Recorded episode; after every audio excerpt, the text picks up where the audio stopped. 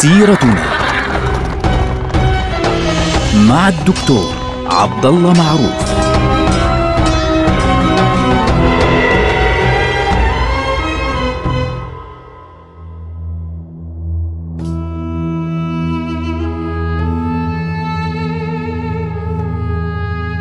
السلام عليكم ورحمة الله وبركاته. سيرتنا سيرة هذه الأمة ونحن الآن في عهد السلطان عبد الحميد الثاني. السلطان عبد الحميد الثاني كما نرى في الحلقات الماضية يعني نرى أنه كان يواجه مشاكل كبيرة جدا ومؤامرات مختلفة من مختلف الجهات يمينا يسارا من فوق من تحت من كل بقعة. حاول آه، بكل قوته أن يركز السلطات في يده لكنه يعني من البداية يعني آه، تصادموا مباشرة مع الروس في ذلك الوقت لأنه يعني الروس كانوا يشكلون بالنسبة له تهديدا كبيرا جدا. في المقابل كانت بريطانيا على فكرة تقف على إلى حد ما على طرف الدولة العثمانية ولكن بالنظر إلى مصالحها الخاصة. طبعا هنا في عندنا قضيتان أساسيتان حدثتا في ذلك الوقت يعني من ناحية سياسية خارجية وسياسية داخلية. من الناحية السياسية الخارجية في عام 1878 يعني بعد استلام حكم السلطان عبد الحميد بسنتين فقط كانت الأوضاع يعني صعبة جدا في داخل الدولة وحاول السلطان أن يتخلص من أعباء الحرب التي حدثت حرب الروسية اللي كانت تسمى حرب 93 طبعا للعلم الذين هاجموه والذين يعني اعتبروا أن الدولة العثمانية وفشلها في الحرب الروسية كانت بسبب السلطان عبد الحميد الثاني تسببوا فعليا في إلغاء مجلس النواب وعدد منهم أصلا خرج باتجاه بريطانيا. يعني بريطانيا بالذات كانت متهمة أساسية في تدبير حادثة آه، قصر جرهان. التي حاول فيها بعض الأشخاص إعادة السلطان مراد الخامس. لاحظوا إنجلترا بتلعب على حبلين بين قوسين في ذلك الوقت. طبعا مباشرة بعد تلك المحاولة التي فشلت آه، دعت إنجلترا إلى عقد مؤتمر دولي في منطقة أياستيفاتوس وذلك باعتبار أنه لابد من أن يتم حل المشكلة بين روسيا والدولة العثمانية. طبعا هم كانوا يريدون من خلال ذلك أن يكسبوا أراضي جديدة إضافة إلى وقف الروس ومنعهم من آه، أخذ أراضي جديدة أيضا من الدولة العثمانية. يعني واحدة من النقاط الأساسية أنه إنجلترا في ذلك الوقت بدأت تغير الخطة الأمنية والعسكرية في تعاملها مع الدولة العثمانية. كانت دائما سابقا تتكلم عن ضرورة ضمان وحدة الأراضي العثمانية. ثم بعد ذلك في مؤتمر آه، ايستيفاتوس إذا بهم يقولون إن هذا المصطلح مصطلح وحدة الأراضي العثمانية مصطلح متزمت. لا فائدة منه أبدا. يعني فبالتالي أفضل حل أنه يعني أي أراضي آه، تخسرها الدولة العثمانية لصالح روسيا أو غيرها على الأقل يعني عليها أن تقبل بالحد الأدنى بهذه المنطقة والدولة الإنجليزية في ذلك الوقت أو الإمبراطورية البريطانية كانت غير معنية بالمشكلة في البلقان فعليا لكن أهم مشكلة عندهم كانت المضائق مضيق البوسفور ومضيق الدردنيل. خوفا من انتشار الروس في منطقة خط القفقاز هذا كله باتجاه الأناضول ومنه طبعا إلى الموصل والبصرة. والموصل والبصرة كان يعني لاحظوا وين عيونهم؟ يعني كانوا يخشون من وصول الروس إلى منطقة الدردنيل بالذات ومنطقة آه، إسطنبول وبالتالي يمكن أن يؤثروا لاحقا على الموصل وعلى البصرة وبعد ذلك يهددون الخط التجاري الهندي. فصاروا يفكرون في قطع الطريق على الروس من خلال تشكيل قاعدة لهم. كان عندهم بدائل كثيرة منها مثلا كريت منها جزر بحر إيجا منها الخليج الخليج العربي منها مصر. حتى أنطاكيا كانت فعليا. فرئيس الوزراء الإنجليزي في ذلك الوقت بنيامين ديزلايلي في أرسل إلى آه، الملكة في ذلك الوقت الملكة فيكتوريا رسالة كان يتحدث عن فيها عن جزيرة قبرص وقال فيها يعني Your Majesty يعني يا جلالة الملكة إن قبرص مفتاح آسيا. هذه كانت فكرة ديسرايلي. ديسرايلي آه، رئيس الوزراء في ذلك الوقت أراد أن تؤخذ قبرص إلى بريطانيا وهذه هي النقطة الأساسية التي بدأوا يعملون عليها. طبعا آه، يوم الخامس والعشرين من شهر خمسة آه، مايو اللي هو عام 1878 أرسل آه، البريطاني سالزبوري تعليمات إلى ليرد السفير عندهم في الدولة العثمانية واقترح بالتالي هذا الرجل على السلطان اتفاقية دفاع مشترك. يتعهد بموجبها الإنجليز بالدفاع عن الدولة العثمانية في مؤتمر قادم. يعني بعد مؤتمر استيفاتوس كان هناك مؤتمر سيحدث في برلين مؤتمر دولي لحل المشكلة الشرقية. وقالوا لهم نتعهد لكم بالدفاع عن الدولة العثمانية في هذا المؤتمر وأن نحميكم في حال تعرضتم لأي هجوم روسي بشرطين. الأول القيام بإصلاحات في ولايات الأرمن تحديدا. لاحظوا بدأوا يتدخلون في الشؤون الداخلية من خلال إيه؟ الأرمن الطائفة الأرمنية. فعليا وذلك بدعم من بريطانيا وقيام إنجلترا مؤقتا لاحظوا التعبير مؤقتا بالسيطرة على جزيرة قبرص. قالوا له هذه شروطنا لدعمكم في مؤتمر برلين وتخلصكم من بنود آه، مؤتمر آه، إستيفاتوس الذي كان مجحفا بحق الدولة العثمانية لأنها هزمت فعليا في الحرب ضد روسيا.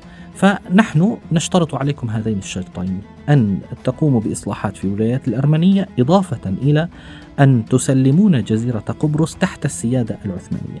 وأعطوا للسلطان العثماني آه، عبد الحميد الثاني 48 ساعة فقط للحديث في هذا الموضوع.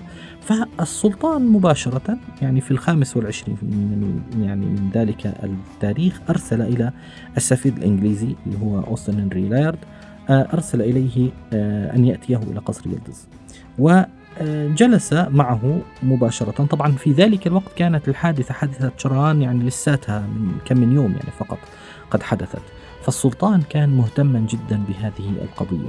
فجلس عليهم وأعطى يعني قال له أعطينا اقتراحاتك فقال السفير الإنجليزي يعني اتركوا لنا جزيرة قبرص مؤقتا ونحن نقوم ببعض الإصلاحات آه، في الولايات الآسيوية التي يعني تحتضن أغلبية مسيحية في ذلك الوقت. وهذا الأمر سيكون له يعني نفع على الدولة العثمانية وخاصة أنه سيكون عندنا استثمارات في منطقة الأناضول ونستفيد من الموارد الطبيعية.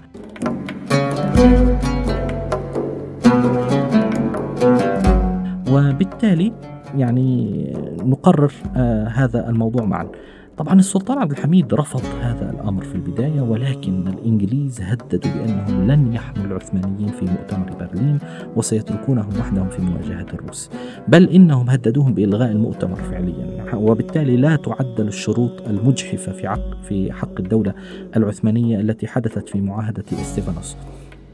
فبالتالي قال له يعني إن شئتم أو أبيتم نحن نستطيع أن نسيطر على قبرص بالقوة إذا أردنا. لاحظوا الآن السلطان عبد الحميد عين مباشرة محمد رشدي اللي هو عدو للإنجليز فعليا في منصب الصدر الأعظم في ذلك الوقت. وذهب آه، لايارد اللي هو السفير إلى يلدز وقابل السلطان عبد الحميد وتم في النهاية التوقيع على معاهدة قبرص. السلطان عبد الحميد حاول أن يضغط في داخل الدولة العثمانية لكي يجمع الأنصار التخلص من فكرة تنازل الدولة العثمانية عن قبرص وإن كان التنازل هذا مؤقتا. ولكن بدأت مشكلة أخرى يعني تظهر على السطح. في الثالث عشر من يونيو اللي هو شهر ستة آه، أفشت صحيفة بريطانية في لندن مضمون صفقة سرية بين الروس والإنجليز. و آه، تبين أن الروس والإنجليز عقدوا اتفاقية سرية وهذه الاتفاقية السرية تخالف فعليا الشروط التي كانت بين بريطانيا وبين الدولة العثمانية.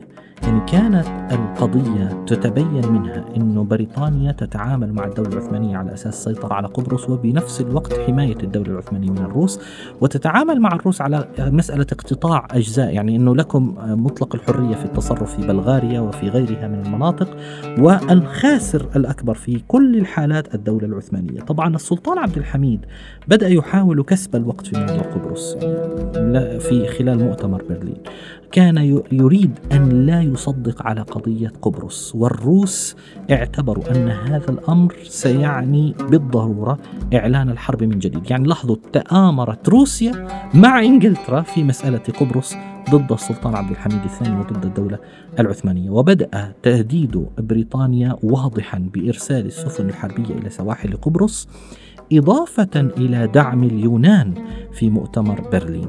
فالسلطان عبد الحميد وجد نفسه يعني محشورا في الزاوية يعني يطلب من الناس الذين حوله من من المسؤولين من غيره إنه يدعموه ولم يجد أحدا فاضطر مباشرة إلى توقيع المعاهدة في الخامس عشر من شهر يوليو اللي هو شهر آه، سبعة.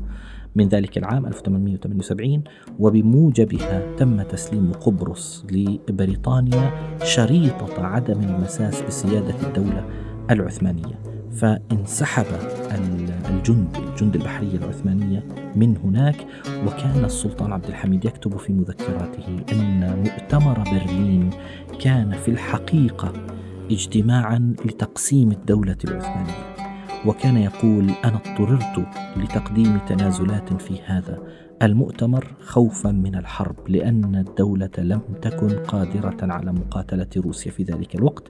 وفي المقابل أخذت نعم تنازلت عن قبرص يعني بشكل مؤقت ولكن في النهاية يعني كسبت مسألة واحدة فقط وهي تجنيب إسطنبول الدخول الروسي والسقوط بيد الروس بشكل كامل. كان الأمر صعبا جدا. يعني إنجلترا أخلت بكل تعهداتها بدعم العثمانيين وكانت نتائج هذا المؤتمر مؤثرة بشكل كبير جدا في تاريخ أوروبا كاملا على فكرة. كان من أهم نتائج هذا المؤتمر مؤتمر برلين كان من أهم نتائجه أن الروس سيطروا على البلقان. و آه، يعني بالمقابل الأتراك العثمانيون تخلصوا من بنود اتفاقية أيا ستيفانوس التي كانت مجحفة. طبعا اتفاقية أيا ستيفانوس كانت اتفاقية مهزوم مقابل منتصر. يعني الدولة العثمانية كانت مهزومة في حرب 93 آه، اللي هي الحرب بينها وبين روسيا في بداية عهد السلطان عبد الحميد الثاني. وفي نفس الوقت آه، كانت البنود قاسية جدا على الدولة. كانت يمكن من خلالها أن يدخل الروس إلى إسطنبول.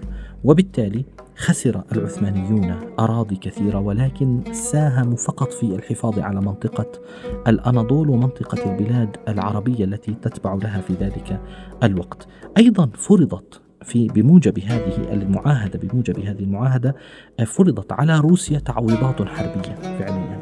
وقبرص سلمت للإنجليز. يعني الدولة العثمانية أخذت أموالا من روسيا في ذلك الوقت وبالمقابل آه تم تسليم قبرص للإنجليز وهذا الأمر سيفتح طبعا شهية الدول الأخرى على آه انتهاك هذه البقاع. وأما البوسنة والهرسك بدعم من الإنجلترا تركت إدارتها إلى النمسا.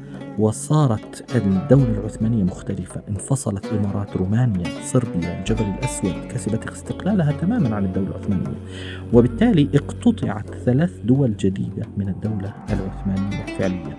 وكانت المسألة واضح أنها ستؤدي لاحقا إلى آه، مشكلة كبيرة جدا في الدولة. لاحظوا الدولة بدأت تتفكك بشكل كبير. والسلطان عبد الحميد يجد نفسه وحيدا في هذا الموضوع. طبعا هناك اختلافات الآن بين المؤرخين. هل يتحمل السلطان عبد الحميد نتائج مؤتمر آه، أو معاهدة برلين أم لا؟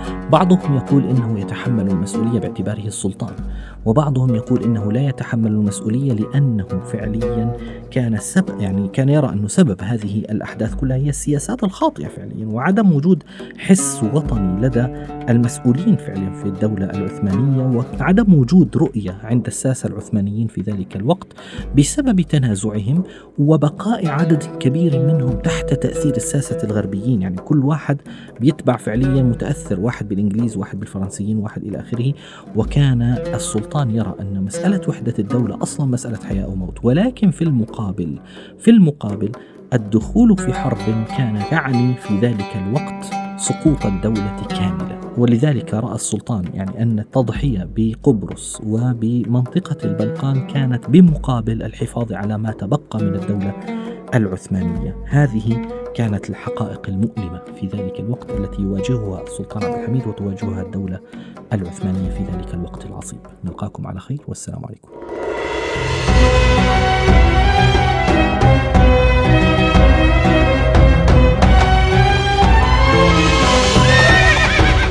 سيرتنا